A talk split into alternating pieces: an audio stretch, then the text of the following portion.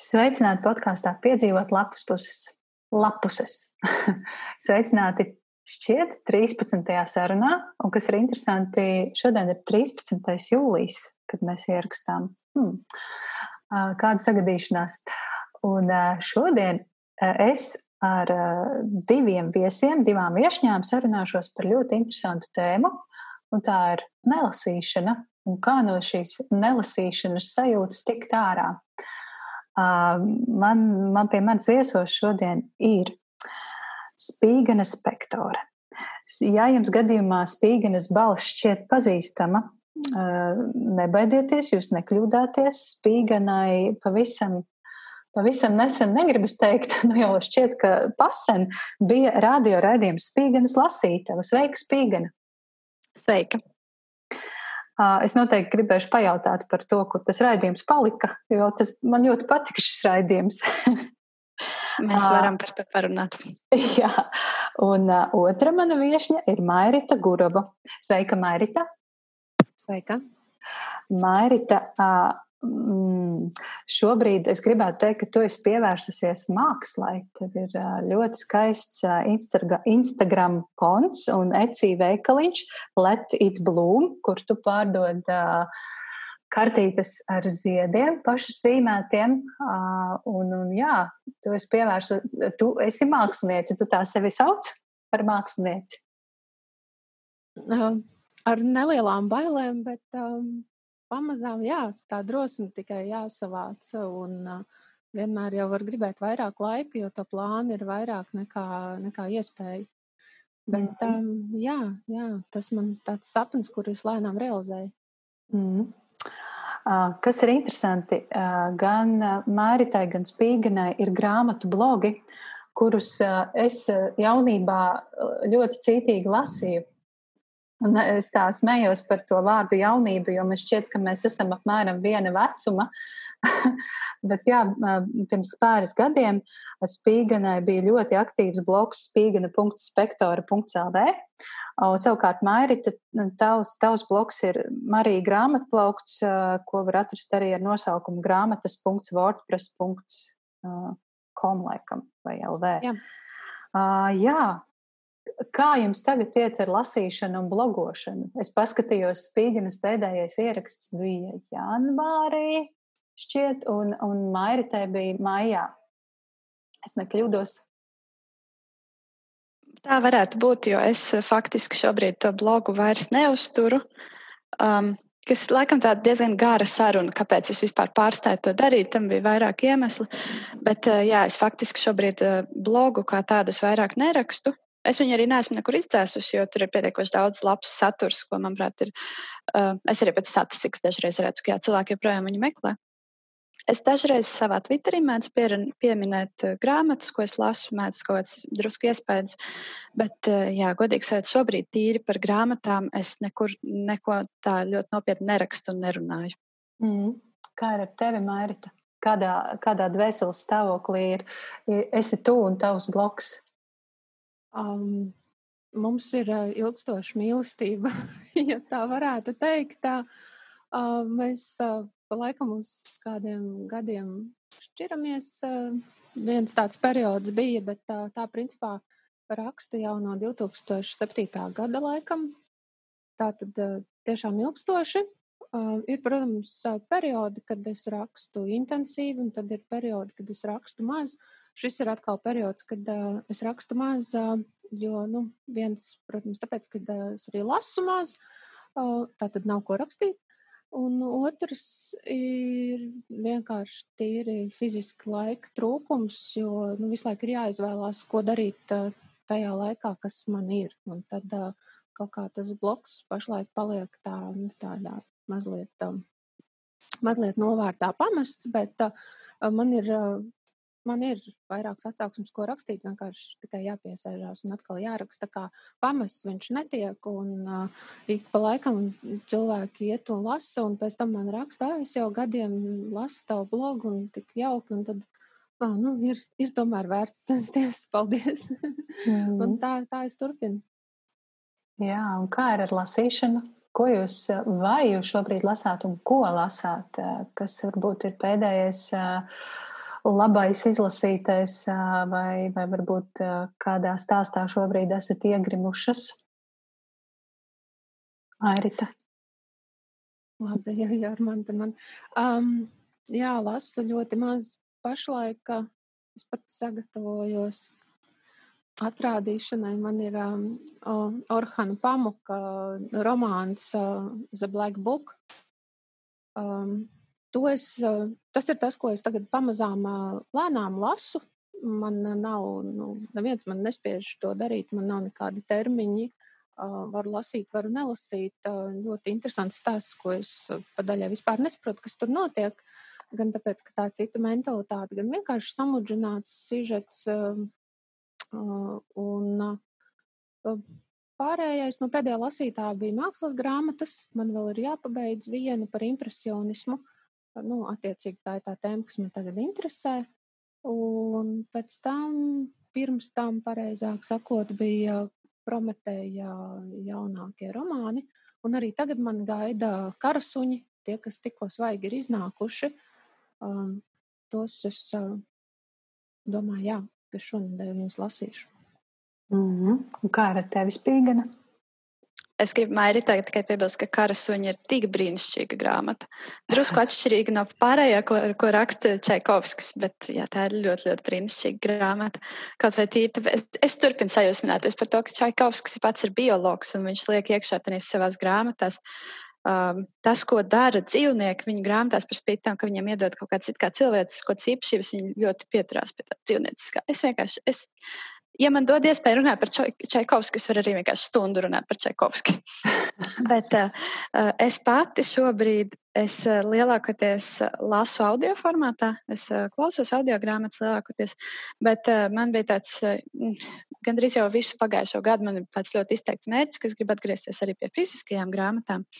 Pagājušajā gadā man tas nesanāca vispār. Manuprāt, pagājušajā gadā laikam neizlasīju nevienu fizisku grāmatu, es tikai klausījos audio grāmatas. Uh, šogad es beidzot atkal drusku sāku pievērsties fiziskām grāmatām. Man bija ļoti interesanti, ka tā grāmata, kas man rīktīgi, rīktīgi atrāva atkal, atkal vaļā to sajūtu, ka es tur gribu sēdēt stundām ilgi un vienkārši sēdēt pie tās grāmatas, ir uh, Lauras Purcela uh, grāmata Silent Companions, kas ir tāds ļoti īpatnējs žanrs. Tā ir mūsdienās sarakstīta grāmata, kas mēģina it kā ieturēt tādu Viktorijas stila noskaņu, un viņa ir tāda drusku tā kā šausmu grāmata, drusku tāds, tāda tā kā mistērija. Un tas bija vienkārši tik, nu, tā visa noskaņa un viss tā sajūta bija tik neatkārtojama, brīnišķīga ka es ļoti, ļoti pavilkos. Tā beidzot bija grāmata, kas man pamudināja atkal to sajūtu, ka jā, lasīt fiziskas grāmatas ir rīktīgi forši. Un uh, tas īstenībā vienīgais iemesls, kāpēc es gribu atgriezties pie fiziskajām grāmatām, uh, nav tas, ka man nepatīk audio grāmatas. Man ļoti, ļoti patīk, bet problēma tāda, ka uh, ne visas grāmatas ir pieejamas audio formātā. Tas nozīmē, ka, nu, ja es klausos tikai audio formātā, es jau ļoti ierobežoju, piemēram, latviešu literatūru gandrīz vispār nevaru dabūt. Un otrs iemesls arī tas, ka, nu, teiksim, fizisku grāmatu tomēr ir vairāk iespējas pa dienu. Nu, vienēc, tas ir citas iespējas, kad es viņu varu lasīt. Teiksim. Ja es eju gulēt, tad es varu stundu pirms miega pasēdēt un palasīt gultā. Nu, savukārt, audio grāmatas gultā vairs neklausīšos. Mm. Ko tu spīgani domā par, par tiem komentāriem un kritiku, kas saka, ka audio grāmata nu, taču nav lasīšana? Man šķiet, pat, nu, es kaut kad pat latviešu Twitterī lasīju šo diskusiju, vai audio grāmata ir lasīšana. Un, un, nu, es, es esmu Twitterī, bet es principā netvītoju. Es esmu ghost spoks lasītājs. Man ļoti patīk lasīt. Tā ir mana vienīgā ziņu lente gan drīz vai dienā. Un, un visas šīs Twitter dāmas, drāmas un dāmas es lasu, man, man patīk, bet es pat netvītoju. Jā, tajā brīdī, kad eh, runājot par šo diskusiju par audio grāmatām, man gan nagi niezēja ierakstīt, nu, tā arī ir lasīšana, nekas, ka tā sanāk klausīšanās. Ko tu par to saki? Noteikti es arī kaut kur maisījos tajā drāmā pa vidu, jo es ļoti aktīvi lietoju Twitter. Tā, protams, ir, nu, tā ir tāda viena varžets, uz kuras man var uzkāpt, jo es vienkārši nesaprotu, kāpēc, lai cilvēki iedomātos, ka audio grāmata nav lasīšana. Es vienkārši nesaprotu, ko cilvēki domā, nu, kas tieši tur mainās. Tu dabū nu, precīzi tos pašus vārdus, tu visu to pašu uztver. Un tu dabū precīzi to pašu stāstu. Un citreiz pat ir tā, ka audio grāmata varbūt piedod vēl kaut kādu, nu, vēl papildus, dziļāku niansi, ja ir ļoti labs ierunātājs. Nu, teiksim, es, savā, nu, es vispār nesaprotu akcentus ja man ir uzrakstīts kaut kāds akcents, nu, es nezinu, kā tas izklausās. Es arī dzīvē neatšķiru īpaši akcentus. Bet, ja man kāds var priekšā to akcentu nolasīt, tad es vismaz man rodās ideja, kā tas vispār izklausās, nu, kas ar to ir domāts. Un, nu, nerunājot arī par to, ka audio grāmatas ļoti lielā mērā nu, arī ir par iekļaujošāku sabiedrību. Nu, ir taču gan daudz cilvēku, kas, teiksim, fiziskas grāmatas vispār nevar patērēt. Un tāpēc es, jā, es vispār nesaprotu to domu man šķiet, ka tas ir lielā mērā no tā, ka vienkārši ka, um, pie audio grāmatām ir jāpierod. Nav tā, ka pirmajā reizē, kad es piesēdos pie audio grāmatas, ka es uzreiz varēju viņu baigi uztvert. Ir tā, ka sākumā drusku kaut kur klīst uzmanība, un ir, nu, tā ir lieta, kas sev ir drusku jāiemāca. Un es pieļauju, ka varbūt cilvēkiem vienkārši nav sanācis, nav, nav bijusi varbūt kaut kāda pareiza audio grāmata, bet citādi, jo Es nezinu, man tas apgalvojums, ka audio grāmata nav grāmata, šķiet tik absurds, ka man nevienmēr ir vispār ko likt pretī, jo es vispār nesaprotu, kāpēc kāds tā domātu. Jā, nu, lasīt drīkst tikai ar acīm, ar ausīm nedrīkst lasīt. Nu, tā ir interesanti. Jā. Mairita, kā, kā ir tevi, ko tu par to domā? Vai tu esi lasījusi ar ausīm? Un, es zinu, man šķiet, ka tu esi podkāstu klausītāja. Vismaz es tā biju pavērojusi Instagramā? Mm, jā, vienu brīdi es ļoti aktīvi klausījos podkāstus. Tas atkal kaut kā pārtrauc. Man liekas, nu, tas ir tīri tehnisks jautājums. Man ir jāatrod labāks auss, kas man būtu ērtāks. Um, Podkāsts man ļoti patīk. Uh, jāatzīstās gan godīgi, ka es šo podkāstu vēl neesmu paspējis noklausīties. Man ir jālabojas. Um, kārtībā.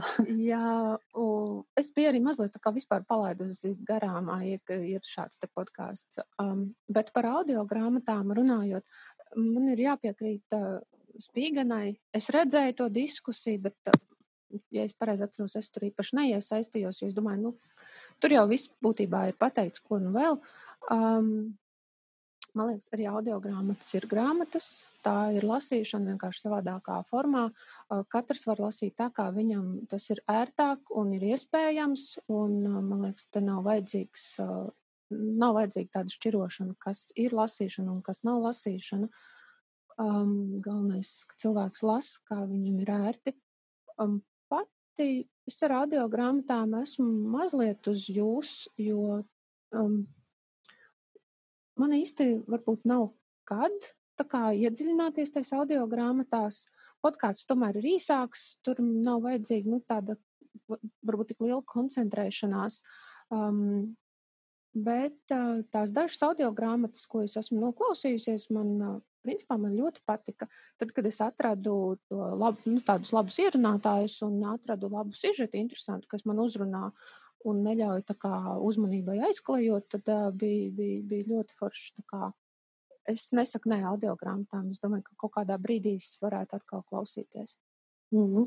Jā, nu, es uzreiz domāju par savu skolotājas pieredzi. Un, uh, Un to, ka mums kā pedagogiem māca, ka katram bērnam ir savs uztveres veids, un cits uztver informāciju ar acīm, cits ar ausīm, cits grib pataustīt. Un, tad, ja es teiktu, ka lasīt ar ausīm, nu, klausīties audio grāmatas, tā redz draudziņi nevarēs, nu, tad, uh, nu, priekš kam tad viss, viss iepriekšējais sacītais, vai ne? Mēs aizrunājāmies par audio grāmatām, bet es gribētu aprunāties nedaudz par jūsu pagātni, jo, jo jūs bijāt, bijāt es, es teikšu, bijāt viens no aktīvākajām blogerēm savā laikā. Es pieņemu, ka jums noteikti bija arī sadarbības ar izdevniecībām. Jūs lasījāt daudz, jūs rakstījāt daudz, spīgana atkal atgriežamies pie tava ra ra raidījuma, spīgans lasītava. Kā jūs atceraties to laiku? Pastāstiet. Man bija, man par to laiku ir tāds ļoti super pozitīvs atmiņas. Man nenormāli patika rakstīt blogu un kaut kā nezinu, vai es trāpīju uz kaut kāda tā viļņa. Man liekas, ka ap to brīdi, kad es rakstīju, bija ļoti daudz aktīvu blogeru. Viņi arī radās ar vien vairāk. Mēs pat bijām tādi diezgan tādi komūni. Mums tur bija arī kaut kāds Ziemassvētku balles kopā. Nu, tāds, tas tiešām bija tāds riktīgi, riktīgi jauks laiks un pasākums. Uh, un ar manu blogu bija tā, ka Es sāku rakstīt 2011. gadā, un kaut kādu pāris gadu laikā, man liekas, burtiski pusotra, gadu, pusotra vai divu gadu laikā, Viņš ļoti, ļoti ātri uzplauka, viņš kļuva ļoti populārs, nu, salīdzinoši. Un uh, mani sāka atrast uh, cilvēki, nu, tā kā bišku ārpusē. Un uh, mani uzaicināja rakstīt vispirms Satorī. Es Satorī vienu brīdi rakstīju lielākoties par bērnu grāmatām, jo man ļoti patīk lasīt pašai arī bērnu literatūru. Un uh, tur es lasīju vēl šo to. Uh, tad uh, mani ļoti negaidīti uzaicināja veidot Radio 5 raidījumu. Tur es divus, apmēram divus gadus es esmu veidojis to savu raidījumu. Un tad vēl papildus es vienu reizi ļoti sadusmojos uz žurnālu ir par to, ka viņi ir aizsūtījuši žurnālisti intervēt Lauru Dreiži, bet viņi bija aizsūtījuši tādu žurnālistu, kas acīm redzot neinteresējās par fantāzijas literatūru. Un tā intervija bija, nu, maigi izsakoties, briesmīga ļoti stereotipiski. Un tā. un es biju šausmīgi dusmīga, un es viņiem uzrakstīju vēstuli par to, ka tā nevar. Un, un es viņiem piedāvāju, nu, ka es varētu viņiem rakstīt recenzijas. Un tad sanāca tā, ka bija viens tas periods, kaut kāds apmēram pusgads vai gads, kad es tiešām ļoti, ļoti intensīvi tajā visā gāju iekšā. Es rakstīju priekš Satoriju, es rakstīju priekš žurnālu, ir viņu recenzijas.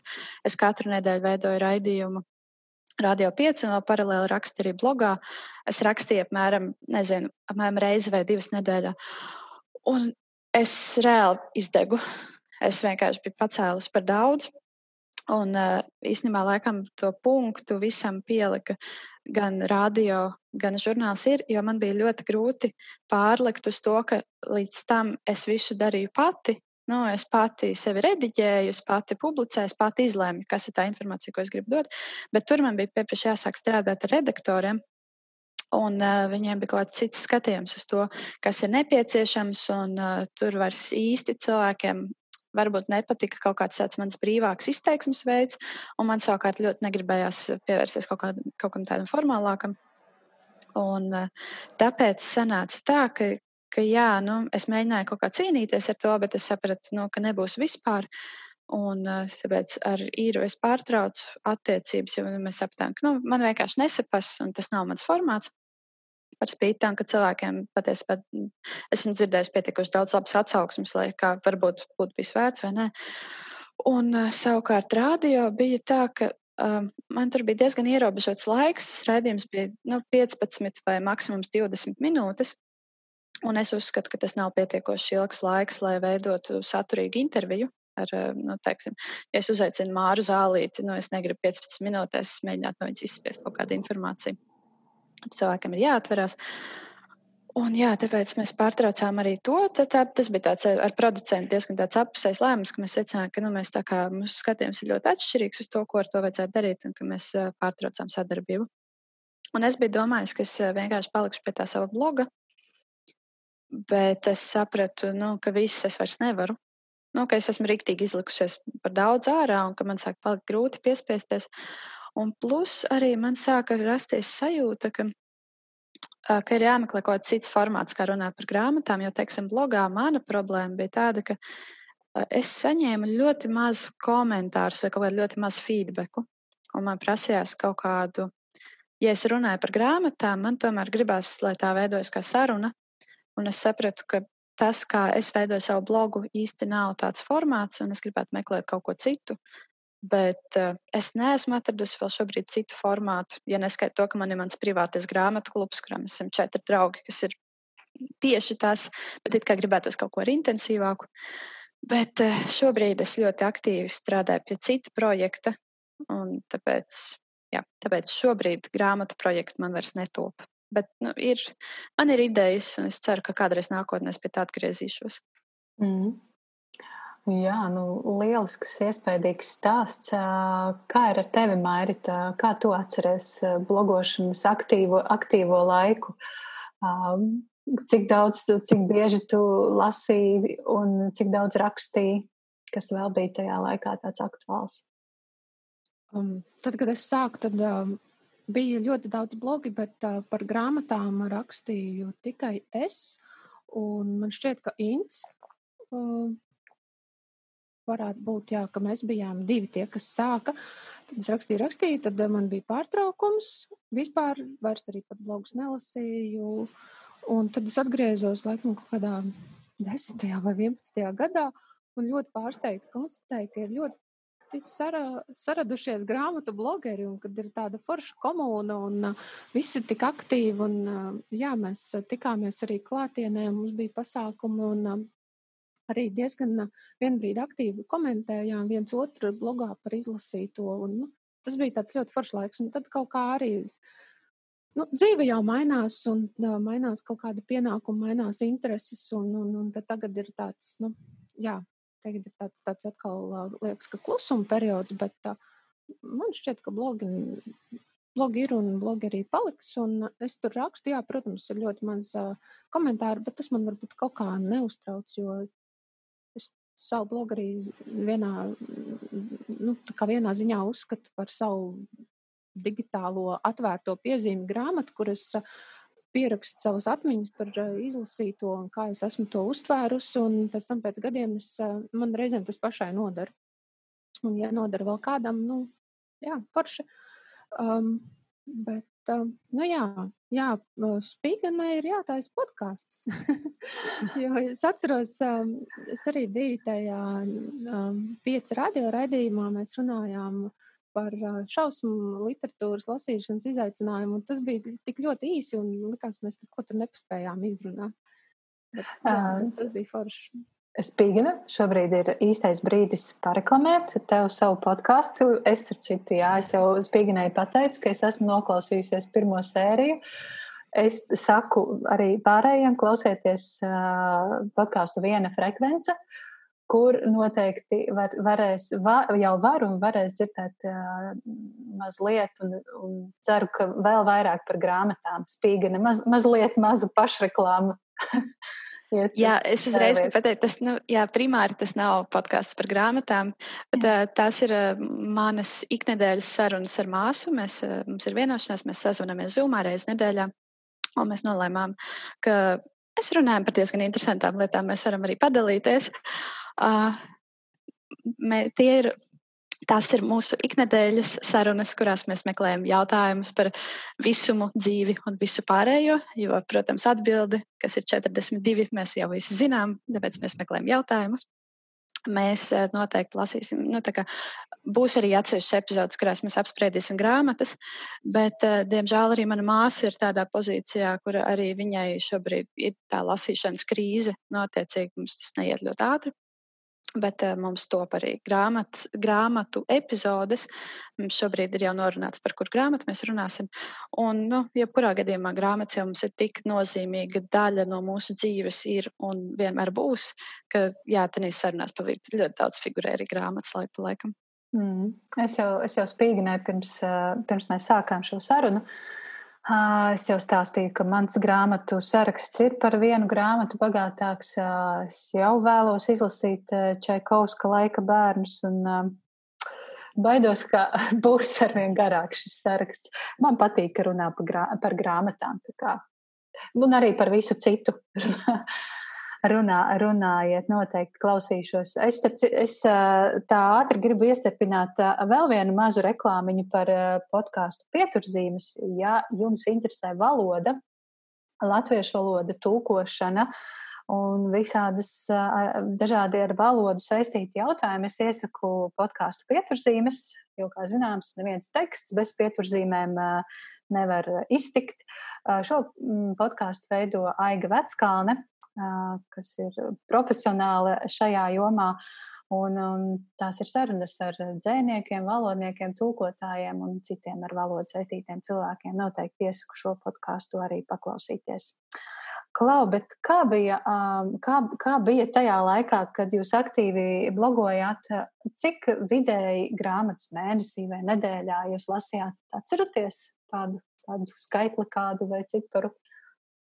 Jā, mans eh, nu, tāds standarta skaits ir 75 eh, grāmatas gadā. Tas ir, ja, ja gadāja 52 nedēļas, nu, apmēram pusotru grāmatu nedēļā. Mm -hmm. Un bija viens tāds brīdis, kad es lasīju pa simts grāmatām gadā, kas nozīmē pa divām grāmatām gadā. Un, nu, tas nebija tā, ka tur viss ir kaut kāds, nezinu, 200 lapas pušu grāmatas, tur pa vidu ir arī Rotfusa vēja vārds un tam līdzīgi ķieģeļi. Um, šobrīd krietni, krietni mazāk, bet uh, es beidzot esmu nonākusi tajā brīdī, kad es vairs nejūtos slikti par to, ka es vairs nelasu tik daudz kā agrāk. Un kad es drusku atgriežos vairāk pie tās sajūtas, ka nu, es varu arī izbaudīt. Un man šķiet, ka varbūt bija viens kaut kāds tāds brīdis, kad es nekad neesmu dzīnusies pēc tiem skaitļiem. Nu, man nav bijis tāds mērķis, ah, nu man ir obligāti jāizlasa 75 grāmatas gadā. Bet nu, ir bijis kaut kāds tāds sajūta, ka ah, nu, es jau neizlasīju tik daudz kā iepriekš, un tas kaut kā nosit, tas kaut kā nosit to prieku. Un es pamazām sāku atgriezties pie tās mm sajūsmas par grāmatām. Mm -hmm. Un kā ar tevi, Mairita, cik kāds bija tavs procents izlasīto grāmatu? Um, man, principā, laikam viskomfortablākais ir izlasīt apmēram līdz 50 grāmatām gadā. Nu, es tā sapratu, 50, 70. Um, protams, šogad es esmu izlasījis tikai septiņas, bet arī tas ir labi. Es, ehm, es sev par to cenšos nešaustīt. Um, bija viens gads, kad es izlasīju simts grāmatas. Uh, tur, protams, arī no ļoti plānām līdz ļoti biezām. Un teikšu godīgi, ka man tas šķita par daudz. Es saprotu, ka, nu, ka kā citi tur var izlasīt 150, 200 grāmatas. Uh, viss, protams, ir atkarīgs no kāda satura grāmatas lasa. Ir jau cits, kas lasās ļoti ātri. Bet, teiksim, ja ir pilnas slodzes darbs un vēl visādi pienākumi, tad, nu, izlasīt vēl simts grāmatas nu, bija, bija bišķi pat daudz. Beigās sapratu, ka nu, vajag mazāk. mm. Es vispār arī gribu vēl piebilst, nu, ka, jā, Mērķi, tu pie, pieminēji par to pilnas slodzes darbu. Un, eh, nu, jā, es domāju, ka man palīdz grāmatas lasīt tas, ka es ļoti sen jau neesmu strādājusi tādu ļoti standarta oficiālu darbu. Esmu bijis vai nu, vai nu freelanceris, vai, vai nodarbojos ar visādām tādām lietām, kas ļauj kaut kur vai nu ieplānot kaut kādu laiku, vai kas ļauj ļoti bieži man ir tāds nodarbs, ka es varu fonā klausīties tās audio grāmatas. Es strādāju, teiksim, es varu stundām ilgi sēdēt un klausīties audio grāmatas. Nu, tas palīdz to skaitli vienkārši uzturēt. Mm. Jā, es, es atceros savu studiju gadus, kad es studēju filoloģiju. Un, kā mums pasniedzēja pirmajā, pirmajā lekcijā, pateica, tik daudz, cik jūs izlasīsiet šajos četros mācību gados, jūs varbūt neizlasīsiet nekad savā dzīvē. Un tas bija ļoti, ļoti intensīvs lasīšanas laiks. Un, un turklāt, kas ir pats bīstamākais, tādos brīžos, ka mēs lasījām ne jau to, ko mēs paši izvēlamies. Tas bija nu, noteikts saturiski, un, un, un pasniedzēja noteica, ko mums lasīt. Protams, bija reizēm izvēles iespējas, bet tas bija, tas bija tik ļoti minimāli. Un, jā, tādi brīži noteikti spēja ietekmēt vēlmi lasīt, un pēc šiem četriem aktīviem, četriem studiju gadiem bija nu, gadi, pāris gadi man šķiet, kad es nelasīju vispār, tikai žurnālus lasīju. Vai kaut ko ļoti, ļoti tādu vieglu, vispār smadzenes atbrīvojošu, tikai, tikai spēju palasīt. Un pamazām tas kaut kā atgriezās. Um, kā jūs šobrīd jūtaties? Tas atgriežas vai, vai vienkārši ir mainījušās prioritātes dzīvē? Man noteikti šobrīd atgriežas. Jo, nu, Gan, gan tās audio grāmatas man palīdz, gan man palīdz tas, ka es beidzot atradu tādu ļoti, ļoti foršu kompāniju, ar kuru mēs kopā taisām to grāmatu klubu. Mēs apmēram reizi mēnesī tiekamies. Tas nozīmē, ka nu, mēs teiksim, jā, gadā izlasām kaut kādas 10 līdz 12 grāmatas kopā. Mums pietiekuši sakrīt gaume, un, un tas ļoti palīdz. Bet man noteikti šobrīd atgriežas tā sajūta, ka, jā, ka gribās vienkārši sēdēt ar grāmatu un vienkārši lasīt Un es arī vienmēr esmu bijis tāda, es vienmēr visur nesāju līdzi grāmatas, man Somijā vienmēr ir tā grāmata. Nu, tēt, pēdējos mēnešos man dzīvē ir bijusi vairāk situācijas, ka man ir vienkārši nu, kaut kur jāsēž, nezinu, jāsēž mašīnā un jāgaida stundām ilgi. Uh, tad, jā, tad ir bijis ļoti patīkami, ka, ka ir tā sajūta, ka gribās atgriezties pie grāmatām. Mm. Kā ir ar tevi, Mārita? Tu uh, atgriezies pie lasīšanas, vai tev ir vienkārši mainījušies kaut kādi punkti dzīvē, prioritātes, un lasīšana ir tikai viens tāds, nu, forša nodarbe dažreiz? Mm. Daļēji, daļēji jā. Uh, interese ir atpakaļ. Nu, es jau kādu labu laiku gribu lasīt, bet uh, vienmēr kaut kas stājas man ceļā. Tas, protams, vienmēr ir jautājums par izvēlēm, par prioritātēm, un, um, bet arī tāds psiholoģiskais uh, izvēlēties, atrast to grāmatu, kas nu beidzot uh, uzrunās un uh, ar kuru būs nu, vēlēšanās pavadīt kopā to laiku un, un, un, un lasīt. Jo, um, nu jā, pašlaik tāds uh, grūts veselas stāvoklis ir, kas man sākās jau, man liekas, nu, jau vairāk nekā pirms gada, varbūt pat diviem gadiem, kad es sapratu, ka ir kaut kāda daļa grāmatas, kuras vienkārši nevēlos tajā brīdī lasīt, jo viņas man pārāk emocionāli noslogo. Ja tā varētu teikt. Nu, viņas prasa no manis par daudz, jo es esmu tāds emocionālais lasītājs. Es ieeju tajā stāstā iekšā un es tur dzīvoju. Uh, Un ir kaut kādas, šobrīd ir kaut kāda daļa emocijas, kuras es vienkārši nu, es nevēlos izdzīvot. Man viņas tā kā nu, nav vajadzīgas šobrīd, un tad attiecīgi arī samazinās tas grāmatu klāsts, ko varētu izlasīt. Bet, jā, nu, tā kā es atradu to pamuku Black Book, tad šī nu ir tā grāmata, kas, jā, kad, nu, kad es jūtu, ka uh, man gribas viņu lasīt. Tieši tāpēc, ka viņi man tik ļoti emocionāli nenoslogo, varbūt neprasa no manis nu, kaut kādu nenormālāko līdzjūšanu, ko es negribu tai grāmatai veltīt, tad, tad, tad jā, es ar viņu labprāt pavadu kopā, kopā laiku. Mm. Uh, man ir. Jā. Man ir tāda ļoti līdzīga sajūta kā Mairitai par to, ka ir kaut kādas, manā gadījumā tas bija laikam vairāk kaut kādas tēmas, kas man, man traucē lasīt, vai, uh, piemēram, man ir šausmīgi noriebusies jebkāda veida romantika. Man ir apriebies tas, cik ļoti tas caurvīja pilnīgi visu, un ka pilnīgi visās grāmatās vajag būt kaut kādam romantiskajam stāstam. Un, uh, tas bija galvenais iemesls, kāpēc patiesībā tie Silent Companions mani tik ļoti pavilka atpakaļ. Jo, lai arī tur uh, jā, ir, ir runa par uh, par atraitni, un viņa ir tikko bijusi precējusies. Tenī grāmatā nav nekripatiņas no romantikas. Nav nekādas neromantiskās jūtas, tur baigi aprakstīts. Tā grāmata ir par pilnīgi citu tēmu, pilnīgi cita noskaņa. Un savukārt tieši otrādi šobrīd es sāku lasīt jaunu grāmatu Powers That Be, kam ir divas autoras, kurām viena ir Anna Kafrija un otrais, diemžēl, neatceros vārdu. Un tā grāmata bija tik daudz sološa, es tiku līdz pusē. Es biju tik jauka, tur ir runa par terraformētu pasauli, tur ir tā, nu, tie vietēji iedzīvotāji. Un tas viss runā par ekoloģiju, par tādām vispārīgām cilvēku attiecībām. Un viss bija tik labi. Un tad grāmatas vidū tur pieprasa parādās romantiskās attiecības, un viss es uz viņu iesprūdu. Un es vairs netieku viņām pāri. Kāpēc tev tas kāpēc nepatīk šī romantiskā līnija? Man interesē, man arī ir par šo viedoklis. Man vienkārši šķiet, ka tas viss, nu tā visa tāda Disneja tipa, viņi dzīvoja laimīgi ever after. Man vienkārši tas viss ir par daudz, un man vispār man nepatīk tas, ka mūsu kultūrā vispār ir tā doma, ka, ka romantiskās attiecības, ka tā ir tik milzīga dzīves daļa. Un man šķiet, ka tas nav pareizi, ka tā tam nevajadzētu būt, tas nevajadzētu būt tik milzīgam uzsvaram.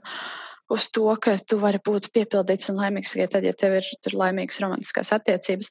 Un es uzreiz gribu piebilst, es esmu ļoti laimīgās romantiskās attiecībās. Esmu laimīgi precējusies, un man viss ir kārtībā. Es vienkārši es negribu par to visu laiku atkal un atkal klausīties. Nu, dzīvē ir arī citas tēmas, un nav obligāti katrā grāmatā jābūt romantiskai līnijai. Mm. Tu pieminēji šo Disneja tipa stāstu, kad jā, viņi ļoti skaisti abi divi. Un, uh, satikās un, un dzīvoja mūžam laimīgi. Un tas, kas man, ko es pēdējā laikā pieķeru un, un īstenībā pati saprotu, ka es arī diezgan viegli uz tādiem stāstiem iekrītu. Un tad man pašai vispār vērtības sistēma bija šī galvā sabrūk, un es gribu apzināti no tā iet prom. Es vairs negribu ticēt kaut kādai apmātai mīlestībai, kur, kur vīrietis stāv pie gultas un vēro savu sievieti. Tas nav normāli, tā dzīvē nenotiek, bet ir tik viegli noticēt tam pārspīlējumam. Un tad sēdēt mājās un domā, domāt, kāpēc man tā nav. Tāpēc, ka tā nav. tā nevar, nu, tā nenotiek reālajā dzīvē. Bet, uh, lai nebūtu tā, ka nu, es tikai, ak, Dievs, ne tikai neromantiskās attiecības, es tomēr uh, savā lasīšanas karjerā esmu satikusi veselas divas grāmatas, kurās, manuprāt, ir ļoti veselīgas romantiskās attiecības, tur ir parādīts, kā, kā normālas attiecības veidojās. Un man šķiet, ka absolūti visbrīnišķīgākais piemērs ir uh, vesela grāmatu sērija, kas ir Charm of Magpies. Uh, autora raksta ar pseidonīmu, kas ir Charles K.G nu, es ne, nepateikšu, kā to pareizi izrunāt. Un uh, vēl ķirsītam uz kūkas. Šī ir grāmata par, tās grāmatas par homoseksuālām attiecībām. Man vienkārši tās grāmatas ir, es nezinu, tas ir kanons tam, kā vajag normālas attiecības veidot. Tā ir vienīgā grāmata. Tas ir ļoti rēta sērija, kur esmu satikusi tiešām ļoti veselīgas romantiskās attiecības. Un otra grāmata, kurā man ļoti patika romantiskās attiecības, kuras bija vairāk fonā, viņas nebija tā kā centrālā tēma. Tā ir uh, arī grāmatu sērija Lady Astronaut, kas uh, arī diezgan dīlo ar tādu ļoti interesantu tēmu par to, ka sievietes tā, tā pasaule ir tāda drusku it kā mūsu, bet it kā izmainīta. Tur tā kā notiek uh, kosmosa kolonizācija. Un ka, jā, ka ir tā pirmā sieviete, kas dodas kosmosā, un kā viņa mēģina tikt galā ar to, ka nu, viņa īstenībā negrib bērnus, un viņa ir superīgs vīrs. Un, viens, ja gribās, jā, ja tomēr gribās redzēt kaut kādu tādu labāku romantiku, tad šīs ir divas grāmatas, ko es iesaku. Mm -hmm, paldies! es pameklēšu, un uh, es gan neesmu. Mm, es ļoti, ļoti reti, kad lasu angliski. Es, uh, ja lasu angliski, es parasti to uh, lasu kaut kādu literatūru par pedagoģiju vai kaut ko tādu ļoti speci specifisku, ko es zinu, kas latviski diez vai tiks izdots. Bet varbūt šis ir tas, ko ir vērts paskatīties un uh, pameklēt, un palasīt uh, vai paklausīties angļu valodā. Atgriežoties pie, pie nelasīšanas, kā jūs atceraties to brīdi, kad jūs lasījāt, lasījāt, lasījāt, un tad ir tas brīdis, viss, es vairs nevaru, ka vairs negribas tik daudz, vai ka nesenāk tik daudz. Pastāstiet par tā laika sajūtām. Es pieņemu, ka varbūt tas pavisam nesen vēl bija. Hmm. es tad varbūt sākšu pirmā. Um, es nezinu, man liekas, ka tas nav tāds konkrēts brīdis. Nav tā, ka es uh, pamostos vienu rītu un viss, es tagad vairs nevaru palasīt, vai es tagad vairs nelasīšu. Tas brīdis kaut kā piezogās tā nemanāmi, tā kā pa bišķiņam tā lasa aizvien mazāk, aizvien mazāk, uzrodās kaut kādi citi darbi, kaut kādas citas intereses, vai tu vienkārši kaut kā to laiku, nu, tā pavadi. Vasarā, protams, arī mazāk sanāk. Es nezinu, vismaz man sanāk mazāk lasīt nekā ziemā. Un tad, jā, tu tā vienā brīdī saproti, ka tev ir sakrājies nelasīt grāmatu kalns, un tu neesi lasījis jau nevis dažas dienas, bet jau dažas nedēļas. Tā pabrīnīties par sevi, tā trodi, ko tu esi iesācis lasīt, mazliet palasi. Man nenormāli forša sajūta ir lasīt. Man taču ir jālasa biežāk. Kāpēc es to nedaru biežāk? Tad tu noliec to grāmatu malā, jo tev ir jāiet, teiksim, gatavot ēst, vai jāiet uz darbu, vai kaut kas ir jādara. Un tad tu attopies atkal pēc dažām nedēļām. Hmm, ir atkal dažas nedēļas pagājušas, es neesmu lasījis. Nu, tā, tas, tā tas kaut kā notiek. Mm. Un, jā, man jā, spēj gan droši. Jā, man ir ļoti līdzīgi kā Mairitai, ka nu, jā, tas tā kā tu palasi, tev it kā patīk, Bet um, ir kaut kāda brīža, kad varbūt uzmanība ne, nu, nenoturās, vai nu, kaut kas vienkārši norauj no, no tās lasīšanas. Bet, jā, tu kaut kā nezinu, neatgriezies pie tās grāmatas. Un man ir ļoti grūti to izskaidrot, jo visu laiku tas ir tas, jā, bet man patīk lasīt. O, es nezinu, es nezinu, ko ar to iesākt. Man jūnijas bija tāds interesants mēnesis. Bija ļoti, ļoti karsti, un man, es vienkārši nevarēju palasīt. Man likās, ka mans smadzenes kūpa un nespēja uztvert informāciju vispār. Un uh, es sēdēju karstajā dzīvoklī un vienkārši kusu ārā ar grā, grāmatu rokās. Viena lapas puse lēnām, otra lēnām, tad es saprotu, ka es jau vairs neuztveru neko. Un, un tad man bija tāda ļoti jocīga sajūta. Man nepatika, kā es jutos, ka es, es, ka es tik maz lasu. Un es jutos tā kā mazliet nērti. Un, jā, man nepatika tā sajūta. It kā, it kā beig, beigās es izlasīju šeit 13 grāmatas, tur gan daļa bija bērnu grāmatas, jo es arī ļoti mīlu bērnu grāmatas spīgana. Un, un, bet kaut kā man tā sajūta nepatika. Kā jūs ar šo tiekat galā? Kādas vispār ir, kāda ir iekšējā sajūta nelasot, mazliet vainas sajūta? Jo Nu, jūs taču bija arī sadarbības, es nezinu, varbūt tagad vēl ir arī sadarbības ar izdevniecībām, un tur kaut kāda varbūt pienākuma apziņa, ka man taču ir jāizlasa un jāuzraksta, man re, kur ir eksemplārs atsūtīts. Man, man nav sadarbības ar izdevniecībām, bet uh, tik un tā es jūtu kaut kādu, um, nu tādu, ka, ka jālasa ir. Un, un man ir jāizlasa tā, man ir pienākums pret, pret biblioteku. Lūk, lūk, pret ko man ir pienākums. Kā ar jums? Um, jā, tā pienākuma sajūta. Um, tad, jā, tad, kad bija intensīvāka sadarbība ar uh, izdevniecībām, tad, jā, tad tā pienākuma sajūta, protams, ka bija. Un, ja, ja sakrājās to grāmatu vairāk un nav laika, katrs viņu ātri viņas izlasīt un uzrakstīt tās atsauksmes, tad, protams, mazliet tā kā vainas apziņa, ka, nu jā, bet tā kā es apsolījis un, un, un tā. Bet tagad man, protams, ir jā, man joprojām ir pāris izdevniecības, ar kurām es sadarbojos. Es uzreiz saku, ka tie lasīšanas termiņi būs lēni un ilgi. Uh, un uh, es vairs sevi par to nešaustu jo tas nav mans darbs, un es negribu, lai lasīšana ir mans darbs. Lasīšana nu, ir tas, kam man ir jāsniedz prieks, nevis, nu, nevis kaut kāds pienākums. Varbūt arī tas, ka bija tā intensīvā lasīšana, un vienā brīdī bija tiešām tāda intensīva sadarbība ar izdevniecībām, un viņi sāka prasīt tos termiņus tādus ātrākus. Varbūt arī tas mazliet nokāva to prieku un kā, nu, it kā jā, visas tās grāmatas, ko tu paņem, ir tās, kuras tu gribi lasīt. Un tā pašā laikā vienā brīdī viņas kļūst par daudz, un tad tu tikai lasi tās, kas nāk tās jaunās un jaunās, bet gribas palasīt arī kaut ko nu, citu no malas, un tam vienkārši nav laika.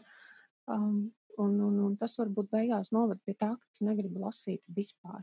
Nu, tāpat kā ar kaut kādiem, man liekas, citiem pienākumiem, ka tev viņi sakrīt tik daudz, uh, ka nu, beigās tā kā vispār vairs neko no tā visa neizdari, jo tas kļūst, nu, tā kā angliski ir tas vārds mm, overwhelming. Un mm. es nekad nezinu, kā tas īsti ir latviski. Nu, tāda tā sajūta. Mm. Jā, man bija, faktiski man bija precīzi tā kā Mairitai. Un bija tieši tas, ko Mairita tu pieminēji par to sajūtu, ka, nu, iznāk taču visu laiku šī tā jaunā grāmata, tā jaunā grāmata, šito vajag izlasīt, šito tev kāds saka, ka šito tev vajag izlasīt. Un tieši tā problēma, ka jā, es jau gribu viņas izlasīt, bet es varbūt tieši šobrīd neesmu tādā mentālajā stāvoklī, lai es viņu varētu izlasīt. Man varbūt šobrīd vajag kaut ko citu. Un tāpēc, tagad, kad ir pagājis, nu, kad man personīgi man ir tā pāris gadu atkāpe no tā visa, tēt, es atkal beidzot atļauju to sajūtu, ka, nu, ja man kaut kur grāmatai pusē viņi sāk riepties, nu, lai viņi paliek, es viņu nepabeigšu, man nav problēmas nepabeigt grāmatu. Un ka, jā, ka tieši tas, ka vairs nav tas pienākums, tas palīdz atgriezties pie lasīšanas.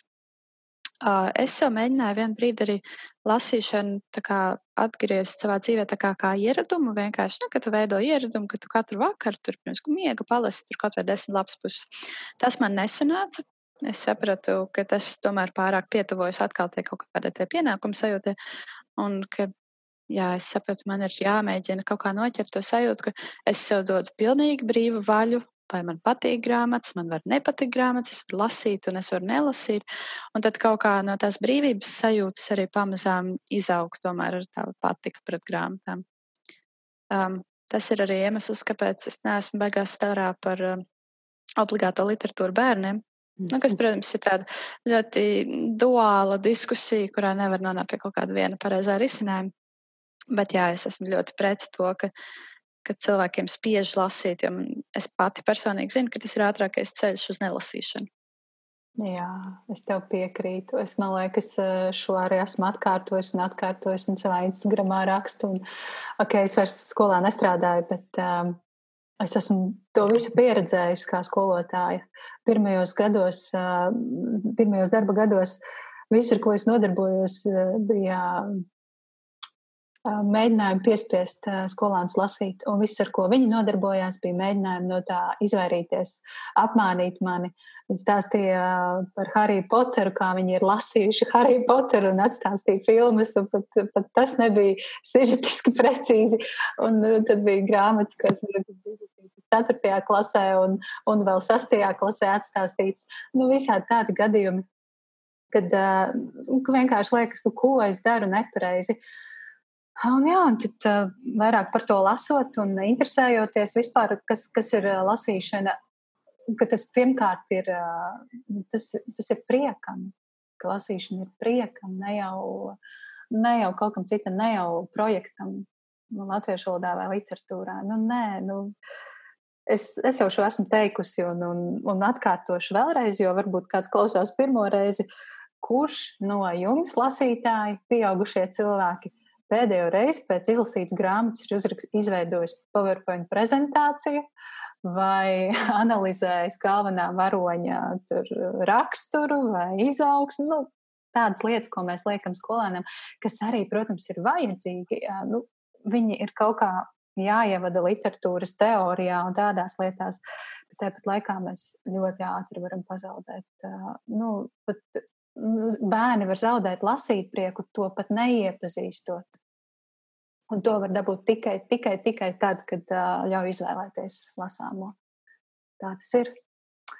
Um, jūs, uh, es gribētu teikt, ka jūs savu lasīt prieku bijāt zaudējušas. Uh, vai jums ir kāda recepte, kā to atgūt? Uh, Spīgana, tu jau mazliet pieskāries uh, kaut kādiem saviem knifiem, un kas tev ir strādājis un kas nē. Uh, parunājam par šo vēl mazliet, jo es arī atradu internetā piecus padomus, kā atgūt lasīt prieku, bet kas jums ir par, par šo sakāms vēl pirms es savus padomus sāku lasīt? Kā atgūt lasīt prieku? Mairita. Um, nu, mani padomi, es nezinu, vai, protams, nu, vai tas var strādāt visiem tas um, strādā tikai man, un arī nevienmēr nav viegli. Um, bet, uh, jā, nu, paņemt lasīt to grāmatu, kas tajā brīdī uzrunā. Pat tad, ja tas ir nu, pilnīgi spontāni un tu nesaproti, kāpēc uh, tu to gribi, bet nu, tu gribi un viss, un tad ir jāņem un, un jālasa. Uh, tā man bija ar šo te pamuka romānu. Es pēkšņi vienkārši izdomāju, ka es gribu atkal izlasīt kaut ko no Orhana pamuka un dabūju grāmatu, kur izrādījās, starp citu, tas ir otrais punkts, grāmatu, kur izrādījās šausmīgi patīkamā, foršā, mīkstā iesējumā. Nu, tā, ka nu, tiešām ir ļoti viegli lasīt. Manuprāt, tas arī palīdz, ja runa ir par fiziskām grāmatām. Uh, Nu, tad vēl, jā, droši vien līdzīgi tā kā spīgan, jānāsā vienkārši tā grāmata līdzi, lai nu, katrā brīdī brīvā, kas parādās, ir iespēja lasīt, ja ir vēlme lasīt. Tas, tas ir tas, vienbrīd es centos lasīt no rītiem, tā kā pirms iešanas uz darbu, un vienlaik man tas arī ļoti labi strādāja. Tagad vairs nē, jo tagad man tie rīti ir citām lietām. Vakaros man lasīt um, kaut kā tā īsti nesanāk, jo nu, vakar arī dažādi, un tad uh, citreiz vienkārši sāk lasīt un uznāk miegs. Un citreiz, uh, citreiz jā, citreiz palasu, un tad atkal aizlasos pārāk ilgi. Tā kā tie vakari ir tādi, nu, tā, kā kuro reizi. Mm -hmm. Tātad izvēlēties to, kas uzrunā, meklēt kaut ko, kas ir patīkams redzēji un taustei, un trešais ņemt vienmēr grāmatu līdzi. Tāda ir tava ieteikumi, Mairita. Ja? Jā. Jā, spīgana kā ir ar tevi? Man šķiet, ka tas ir tas mans personīgais, kas man palīdzēja, ko es jau drusku pieminēju, ir atbrīvot sevi. Atbrīvot sevi no pienākuma lasīt, atbrīvot sevi no pienākuma vienmēr pabeigt grāmatu. Um, atbrīvot arī sevi no kauna sajūtas par to, ka tu lasi kaut ko, ko citi uzskata par vai nu sliktu vai nepiemērotu literatūru. Man šeit tas ir ļoti, ļoti svarīgi. Un uh, varbūt, uh, varbūt ir kaut kāds brīdis, nu jā, ja šķiet, ka, uh, nu, ka baigi par to jākaunās. Nu, varbūt vienkārši, nu, baigi publiski nesaka, ka tu to lasi, bet vienkārši, nu, sēdi lasi un izbaudi. Uh, bet jā, man šķiet, ka tas ir tās kaut kāds tāds manas svarīgākās lietas, ka vienkārši atbrīvot sevi no kaut kāda tās ārējā spiediena, ka tev būtu jālasa kaut kas cits, vai ka tev ir obligāti jāpabeidz grāmata, vai ka šī ir obligāti visiem cilvēkiem jāizlasa. Nu, tas tā nestrādā vienkārši. Un tad, kad, tam, tad, kad tu sev dod kaut kādu vairāk brīvību, brīvību kustēties apkārt, brīvību izpētīt, kaut ko saprast, kaut ko jaunu atrast, tad man liekas, nu, tā arī aug tā sajūta par to, ka atkal gribās lasīt grāmatas. Mm. Tad atbrīvošanās un ļaušanās un brīv, brīvība izvēlē savā. Ja? Jā. Jā um, kaut ko te gribēju jautāt, Spīgani, bet aizskrēja mana doma, doma projām. Varbūt vēl atgriezīsies. Jā, jūs principā pateicāt gandrīz visu, ko, ko iesaka arī, arī uh, tas interneta uh, resurss, ko es atradu. Un, Jā, tur bija tādi ļoti vienkārši pieci padomi, un pirmais no tiem bija izvēlēties grāmatas par, par tēmu vai, vai tajā žanrā, kas pašiem patīk. Tas, ko, tas, ko principā jūs jau minējāt, kas ir jūsējais žanrs, vai jūs esat to sapratušas, kas ir tas žanrs, ko jūs izvēlaties pirmkārt un par kādām tēmām jums patīk lasīt? Manējais pilnīgi stabili ir maģiskais realisms. Diemžēl tas ir žanrs, kas pasaulē ir ļoti, ļoti maz pārstāvēts. Un, nu, tas nav tāds žanrs, kam var tā ļoti intensīvi pieķerties. Un tad uzreiz nākamais ir fantāzija, un uh, pēc tam zinātniskā fantāz, fantastika.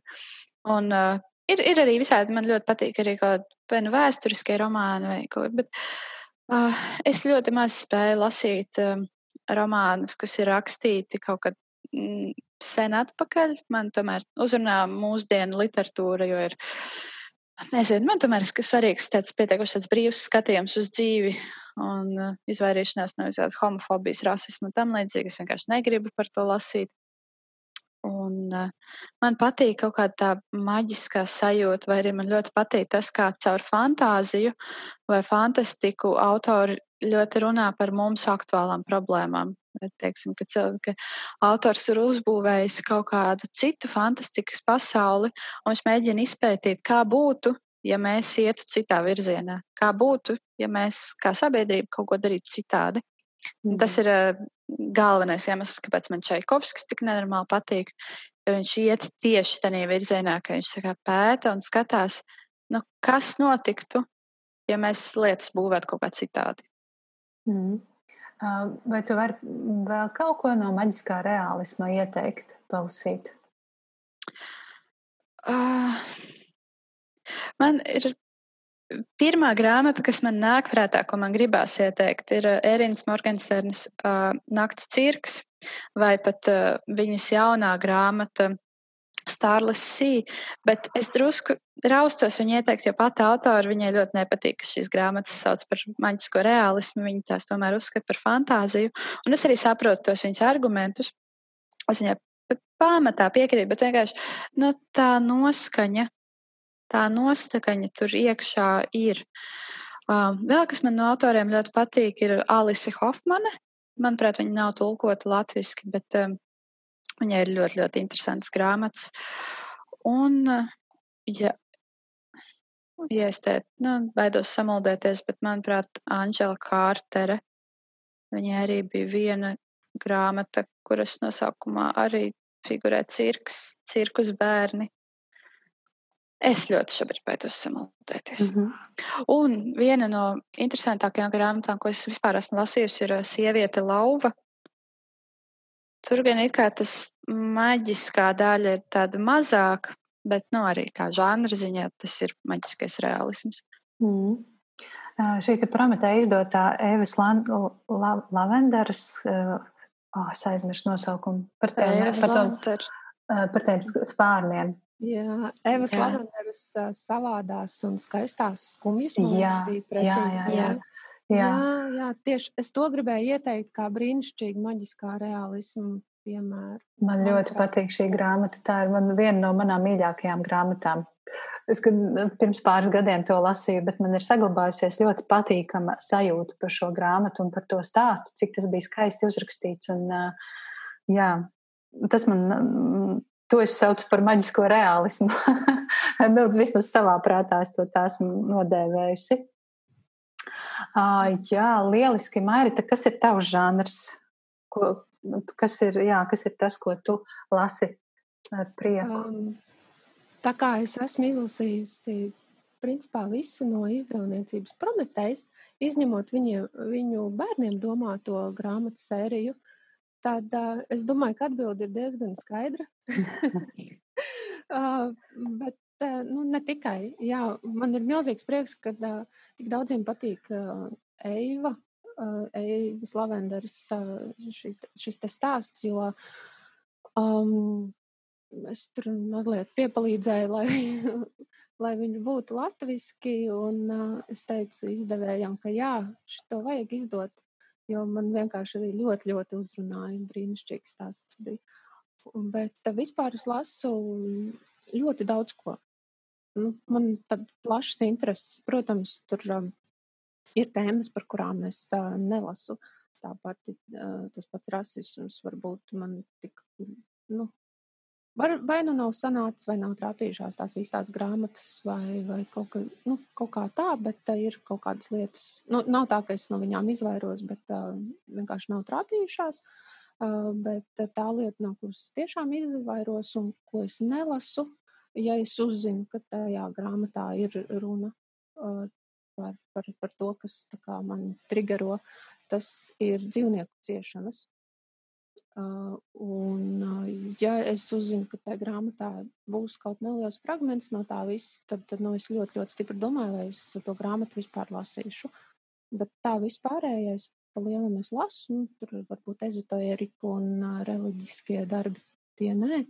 Mm. Uh, bet, uh, jā, man ir vieglāk varbūt nosaukt, ko es nelasu. Arī labi.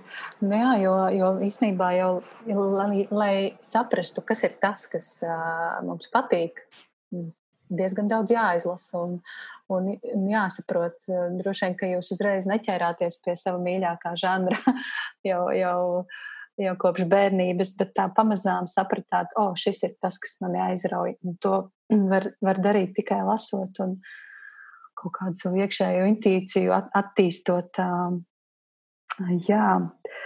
Um, nākamais ieteikums - nejusties vainīgam par to, ka ne, nu, kādu brīdi ir nelasīts vai tiek lasīts mazs, ko Spīgana tu man šķiet jau minēji, šo te vainas sajūtu, ka tai, nu, jātiek pāri ir.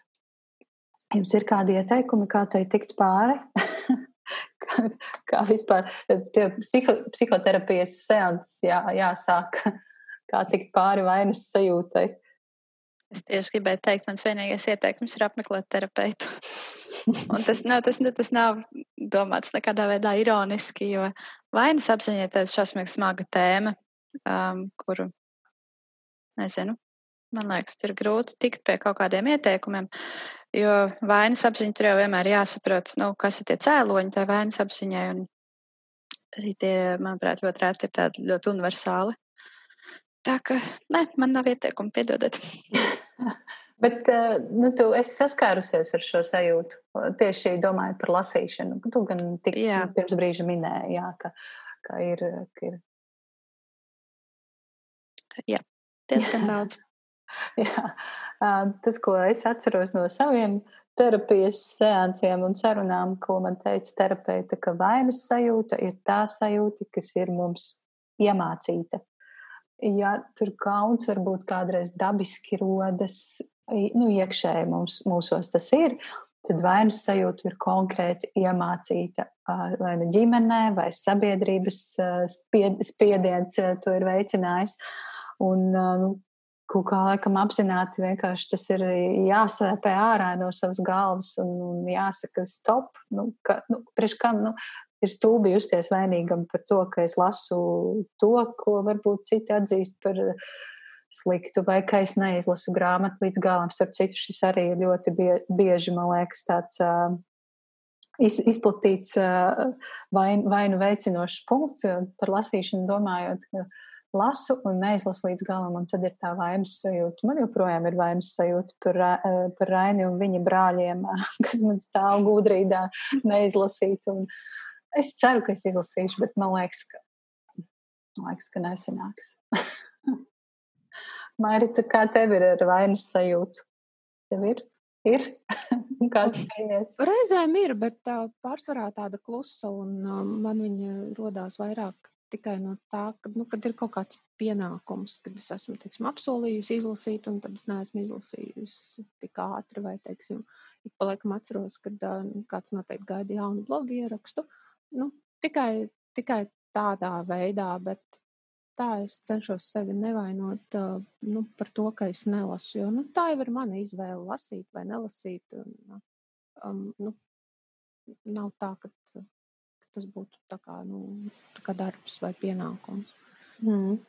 Jā, tas, tas par to darbu un to brīdi, kad lasīšana kļūst jau kā pienākums, nevis bauda, tas, jā, to es piekrītu, ka tas ir bīstami un, un tas var ievest dziļos grāvjos. Um, kaut kā man šodien domas aizskrien, es noķeru vienu domu, ko es gribu teikt, un man tā ir pazudusi. Labi, iesim tālāk. Nā, trešais ieteikums ir izaicināt sevi iesaistīties kaut kādos izaicinājumos. Un te šķiet, Spīgana, tu jau minēji, ka tev ir grā, tu esi iesaistījusies grāmatu klubā, kas, manuprāt, arī ir tāds labs izaicinājums, kad, nu, tāds kā obligāti izvēles kārtā mēs lasām kaut ko, un šis grāmatu klubs ir viens no tādiem paņēmieniem, kā varbūt tikt laukā no nelasīšanas. Mārita, kā tev ir, vai tu esi kādā grāmatu klubā, vai tu vairāk esi vienpatis lasītājs?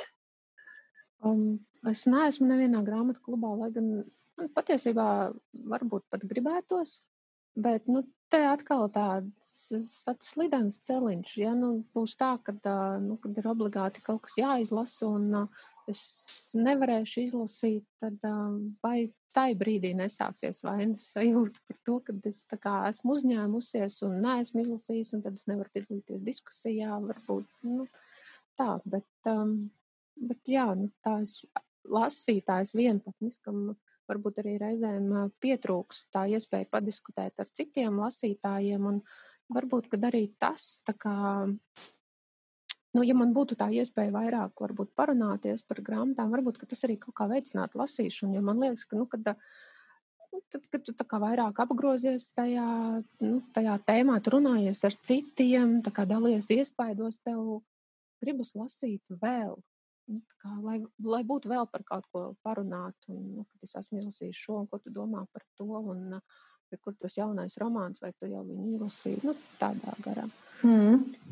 Uh, Es, es jūs aicinu iesaistīties Instagram pasaulē, jo šobrīd man šķiet, Instagrams ir ļoti aktivizējies. Latviešu grāmatu blogeri ir ārkārtīgi aktivizējušies Instagramā un ir ļoti daudz interesantu tādu jā, kontu, profilu, kam pasakot, tur veidojas tādas foršas diskusijas un sarunas, un, un tad es skatos, o, oh, tas, tas cilvēks ir izlasījis to, un es arī ļoti to gribu izlasīt, mēs varam aprunāties, kā bija, un vai patika, un vai iesaka.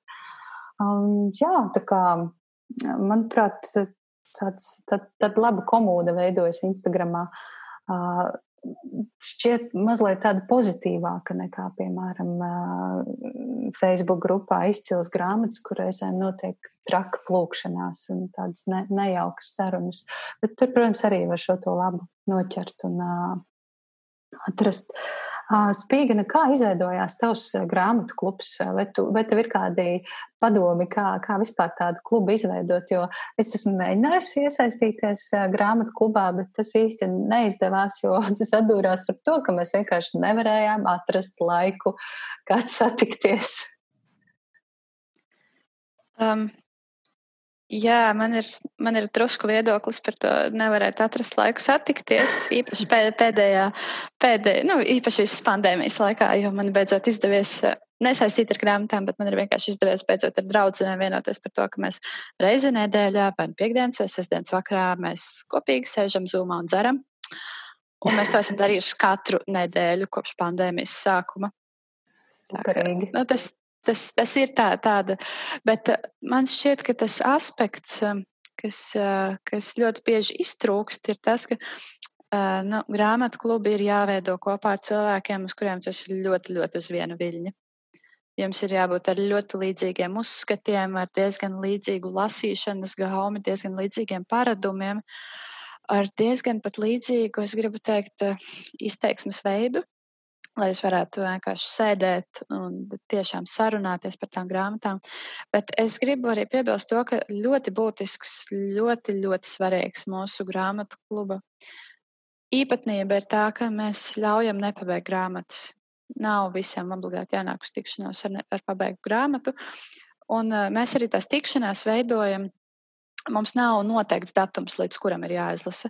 Mēs vienojamies, mēs teikt, lasam šo grāmatu, un tad, kad visi tuvojās beigām, tad mēs vienojamies, ka ok, nākamā nedēļa tā jau tādā laikā tiekamies. Un tad sanāk tā, ka nu, tas vienkārši pielāgojās visu pārējo plāniem. Un arī tas brīdis, kad kāds atnāk ar neizlasītu grāmatu, arī man ir bijusi viena tāda grāmata, ko es neizlasīju. Ļoti interesanti, jo ir arī diezgan interesants diskusijas par to, kāpēc to viņi nevarēja izlasīt kas tev tur tik ļoti riebās. Teiksim, manā gadījumā tā bija grāmata Hanija, kas bija vienkārši, man tā grāmata šķita pretīga, es viņu nevaru ciest, es viņu nelasīšu. Vienkārši nē, un nebūs. Un tas bija tāds, nu jā, mans ļoti personīgais viedoklis, un mums bija diezgan jautra diskusija par to, kāpēc man tā grāmata tik ļoti riebjās. Un uh, bija kaut kādi punkti, kuros man citi piekrīt, un bija kaut kādi punkti, kuros citi nepiekrīt. Un, uh, jā, tas ir tāds viens, ka nu, mēs tā kā tomēr. Nu, jā, mēs tomēr gribam sevi atbrīvot no tās šausmīgās pienākuma apziņas. Es nu, tev obligāti ir jāizlasa citādi, tu tur you're letting down for people. Nu, jā, mēs esam četri cilvēki.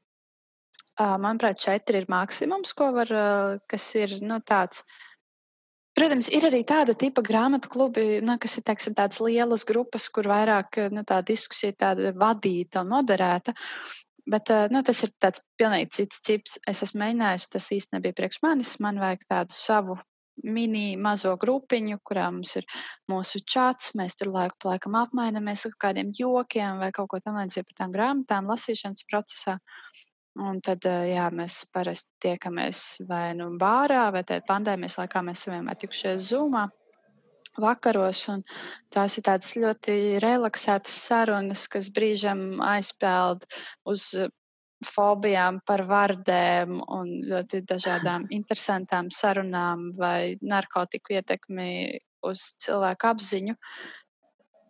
Nu, vienā citā, jā, mēs, tā, mēs to visu pasākumu veidojam tā ļoti brīvi un plūstoši. Man liekas, tā ir vispār tāda, nezinu, tā ir mana šodienas tēma, par ko es šodien esmu uzsēdusies. Visi grāmatām saistītā lietām ir jābūt ļoti brīvi, tam ir jāpatīk.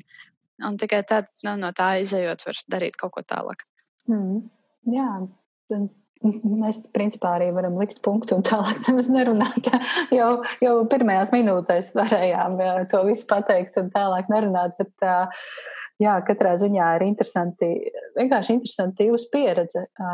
Un tu teici, ka tu, Spīgan, tu teici, ka tu Es bijusi vēl citā grāmatu klubā, ja, un tur tā, tā pie, tev ne īsti, nu, īsti nepatika. Tas nebija tavs formāts. Mm. Uh, jā, par to, par jūsu grāmatu kluba noteikumu, ka drīkst nelasīt uh, grāmatu, tas ļoti labi saskan ar ceturto punktu. Te ir rakstīts, nebaidieties, nebaidīties nelasīt vai neizlasīt līdz galam grāmatu. Un, jā, atkal tas pats - brīvība un, un, un ļauties situācijai, kā būs, tā būs. Neizlasīšu, neizlasīšu, izlasīšu lieliski. Jā, nu un tad piektais ieteikums ir lūgt palīdzību. Tur tad, tad, tas ieteikums ir nebaidīties iet uz bibliotēku, doties uz grāmatnīcām. Vēlams, lai tās būtu kaut kādas neatkarīgās grāmatnīcas, kas gan mums Latvijā man šķiet, ka vispār vairs nu, ir ļo, kaut, kaut kas varbūt ļoti mazs vai vai tāds man pat nezināms. Un te, šajās neatkarīgās grāmatnīcās būtu cilvēki, kas zinātu ieteikt, jo tur pārsvarā strādātu grāmatu speciālisti. Man liekas, ka reizēm gadās arī ļoti zinoši lielo ķēžu grāmatnīcu pārdevēji. Es esmu dzirdējusi dažādas labas atsauksmes par cilvēkiem, kas ir tik ļoti uh, grāmatu pasaulē un ir gatavi ieteikt, uh, ieteikt un pastāstīt par grāmatām jebko. Kā ir ar jūsu pieredzi? Vai jūs esat prasījuši padomu, vai lūguši palīdzību, vai devušās biblioteku vai grāmatnīcu ar, ar domu, nu, ka tur man varbūt palīdzēs un ieteiks kādu labu grāmatu? Hmm. Es nekad īsti neprasu padomus svešiem cilvēkiem, jo es zinu, ka man ir diezgan specifiskas prasības. Es, eh, man patīk lasīt tas, ko citi raksta recenzijas. Un, teiksim, nu, tad, ja es sekoju kaut kādam blogam, tad ar laiku izveidojas priekšstats par to, kā tas cilvēks domā. Tad spēj saprast, nu, kā, cik eh, lielā mērā uzticēties tam, ko viņš rakstīs. Bet es mēdzu lūgt grāmatu ieteikums savam vīram. Un tas formāts parasti ir apmēram tāds, nu, es tagad gribētu lasīt fantastikas grāmatu, kurā ir tāda tipa pasaule un kurā ir tāda noskaņa, un tad viņš tā pasēž un padomā, jā, zini, mums tur plauktā stāv šitā un šitā grāmata, pamēģini šito. Vai pat ir bijis kaut kādā ceļojumā, ka mēs vienmēr ceļojumos ejam arī uz grāmatnīcām. Un uh, viņš man tur grāmatnīcā saka, nu, paņem šito, šitā tev patiks. Un es lasu to grāmatu, es reāli brīnos par to ieteikumu. Es domāju, nu, man jau riktīgi patīk, bet, nu, tev, tu pats to grāmatu esi lasījis. Šo, nē, tā nav grāmata priekš manis, es tikai zinu, ka tas tev, tev der. Fantastisks, bet, fantastiska savienība. Jūs esat abi divi. Tas, man liekas, ir tāds, nu, tāds, tāda vērtība, ka tuvākais cilvēks zina to tavu gaumu. Jā, tas ir ļoti atbalstoši. Bet, godīgi sakot, tad, kad tu teici par to lūgt palīdzību, pirmā lieta, kas man ienāca prātā, bija patiesībā tas, ka um, nevienmēr jau tā grāmatu nelasīšana ir saistīta tieši ar grāmatām. Un tas, ko es jau pieminēju, ka varbūt ir jāpadomā, varbūt tā ir kaut kāda dziļāka problēma, un varbūt tiešām ir vērts apmeklēt arī terapeitu, kas ir absolūti normāla lieta un kas vienkārši palīdzētu sakārtot kaut kādas lietas. Un varbūt vienkārši tā grāmatā nelasīšana ir kaut kāds simptoms kaut kam citam. Arī par to ir vērts padomāt. Mm. Nu, tu rītīgi jau dziļi sāki par to domāt, bet, bet kas, kas tas varētu būt? Nu, tā tā mēdz gadīties, ja ka grāmatu nelasīšana ir kaut kas droši vien. Es tā tā sāku domāt. bet, bet, kā, Nu, kaut kā tas, ko mēs jau īstenībā pieminējām par vainas apziņu, kur es absolūti piekrītu, jā, ka vainas apziņa ir iemācīta. Un, nu, tā varbūt nav lieta, ar ko tev obligāti vajag sadzīvot. Tā ir lieta, no kuras varētu tikt vaļā. Bet arī, nu, tā, nu, jā, tā ir drusku cita saruna. Es jau teicu, aizgāju citā tēmā, bet nu, arī vispār tas brīdis, kad. Kad kāds cilvēks jūt, ka viņš nespēja veikt kaut kādas funkcijas, kas līdz šim viņam ir bijušas normālas, ir drusku jāpadomā, vai tā nav, piemēram, depresijas pazīme vai kaut kas tamlīdzīgs. Nevienmēr, protams, ka nevienmēr, ak, Dievs, es tādu nelasu grāmatas, ak, Dievs, esmu depresīvs. Nu, tas tā nestrādā. Bet vienkārši nu, tās lietas, par ir vērts padomāt, parakties sevi, parakties līdz kaut kādiem cēloņiem. Jā, jā es, es sapratu to domu. Un es tam pilnībā piekrītu. Tas, ko es domāju, man šobrīd ir tāds interesants dzīves posms. Es esmu, es esmu bez darba. Un tādā, nu jā, tā kā tāda pagrieziena punktā, kad es eh, ne, nezinu, kur iet tālāk, eh, ko darīt. Un man šķiet, ka es uh, slēpjos grāmatās. Es lasu katru dienu, maksimāli daudz no rīta, vakarā, pusdienlaikā, kad vien ir brīvs brīdis. Man šķiet, ka es bēgu no kaut kādas atbildības un no kaut kādiem soļiem, kas man būtu jāveic. Un, un es rīktīgi, jā, slēpjos grāmatu pasaulē. Un tad tajā brīdī es nedomāju par to, jo es taču lasu, un tas ir svarīgi. Lūk, nu, kaut kā citādāk es uz to visu paskatījos. Un, jā, es pilnībā piekrītu, ka grāmatu lasīšana vai nelasīšana arī ir tāds interesants, kaut kas interesants, par ko var paskatīties arī no garīgās veselības viedokļa. Uh, Mairita, kā ir ar tevi? Vai tu esi kādam lūgus palīdzību? brīdī, kad, kad tu nezini, ko lasīt, vai, vai īsti nesaproti, ko lasīt, varbūt, varbūt tas vienkārši varbūt tas ir kāds bloks, ko tu lasi, vai, vai gudrīts atsauksmēs ir kāds cilvēks, kam tu seko. Man īsti tā nekad nav sanācis, ka man ir jāprasa kādam ka palīdzību, ko lasīt. Jā, protams, es uh, lasu citu blogus, tāpat Instagramā arī sakoju līdzi. Un, nu, mm, es esmu izlasījis jau diezgan daudz, lai es varētu saprast, kas man varētu patikt un kas varētu nepatikt. Un bieži vien es jau vienkārši no anotācijas nojaušu, ka jā, šo grāmatu es gribu izlasīt. Um, Līdz ar to man ir biežāk bijis tā, ka grāmatnīcā vai bibliotēkā palīdzu citiem. Jo man ir bijušas tādas reizes, kad uh, pircējs uh, grāmatnīcā pārdevējai prasa, nu, meklē grāmatu par kaut kādu tēmu vai nu, kaut ko, un, un tā pārdevēja nevar palīdzēt. Viņa nezina, un es turpat blakām esmu, un man mēlē niez, un es nenoturos, un, un es palīdzu. Un, nu, tā ir bijis. Uh, nu, jā. Bet uh, par to garīgo veselību, jā, es, um, tas ir interesanti. Es domāju, ka Spīganai, ja varētu būt taisnība, tieši tā kā viņa teica, tas grāmatu nelasīšana nevienmēr nozīmē, ka tev ir kaut kādas garīgi rakstura problēmas, bet, bet varbūt tomēr par to ir vērts padomāt. It īpaši, nu, ja tas ir tā kā kompleksi, jo un arī par to bēgšanu grāmatās. No vienas puses, jā, es arī, nu, kad ir kaut kādas bijušas smagas dienas, es esmu bēgusi grāmatās, kā, lai atslēgtos un, un, un, un palasītu nu, pilnīgi par kaut ko citu. Atkal no otras puses, arī man nu, tagad jau ir diezgan ievilcies tāds pārdomu laiks un tādas krustceles, ko es gribu darīt dzīvē tālāk un ko es gribu sasniegt un kur es gribu iet.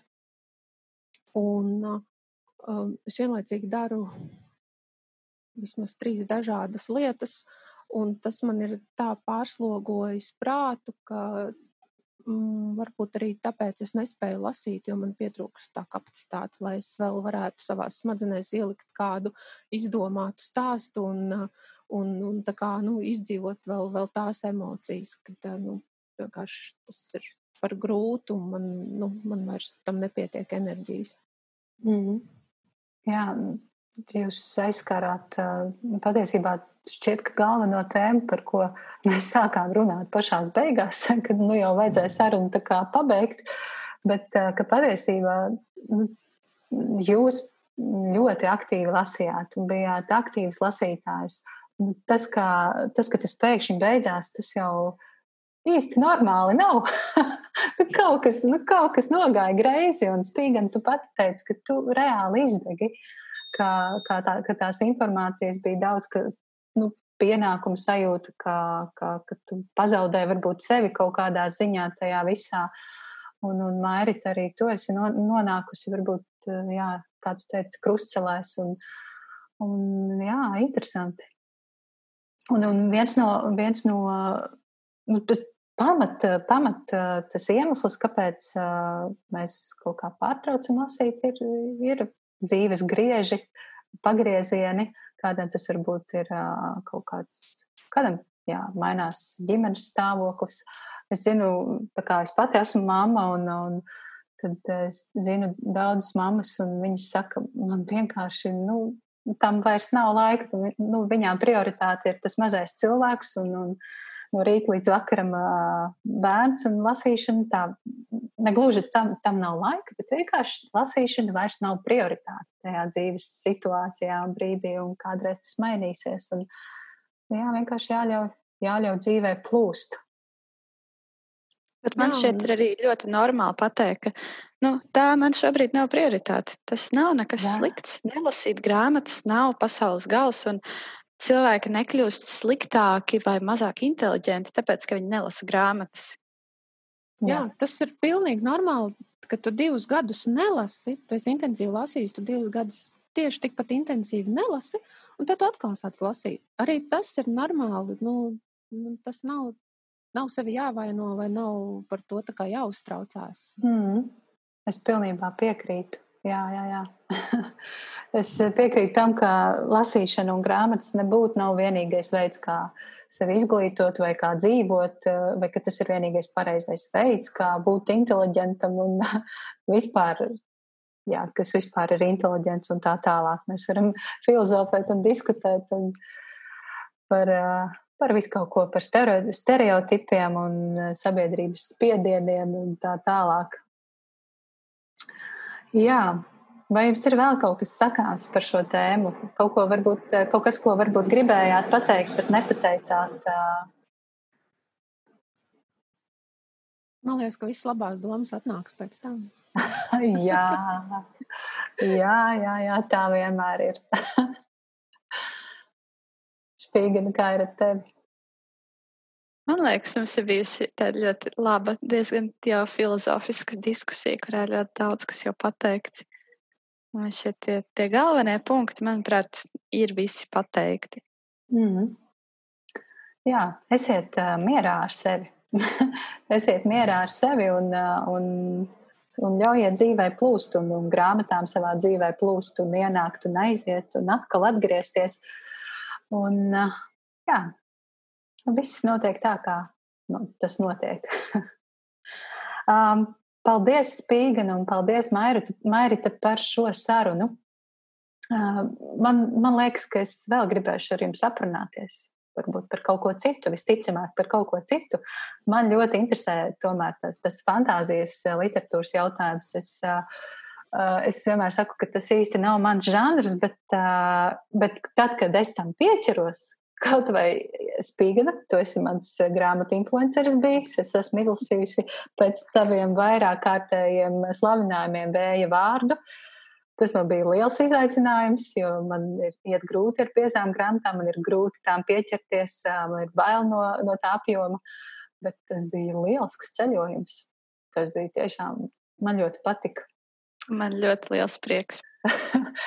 Diemžēl es nevaru mm. saņemties otrajai grāmatai. es domāju, ka mums noteikti ir jāparunā par šo žanru un arī par biezajām grāmatām. Mēs to pat varētu apvienot. Lieliski. Jā, jo, jo visbiežāk fantāzijas literatūra, manuprāt, nu, ir apjomīgs žanrs, darbs. Jā, nu ko, Es domāju, ka teiksim paldies arī klausītājiem par, par to, ka viņi ir tikuši līdz laimīgām beigām šai sarunai. Paldies, Spīgane, vēlreiz tev, paldies, Mairita, vēlreiz tev, un tiksimies citās sarunās. Paldies! paldies tiksimies!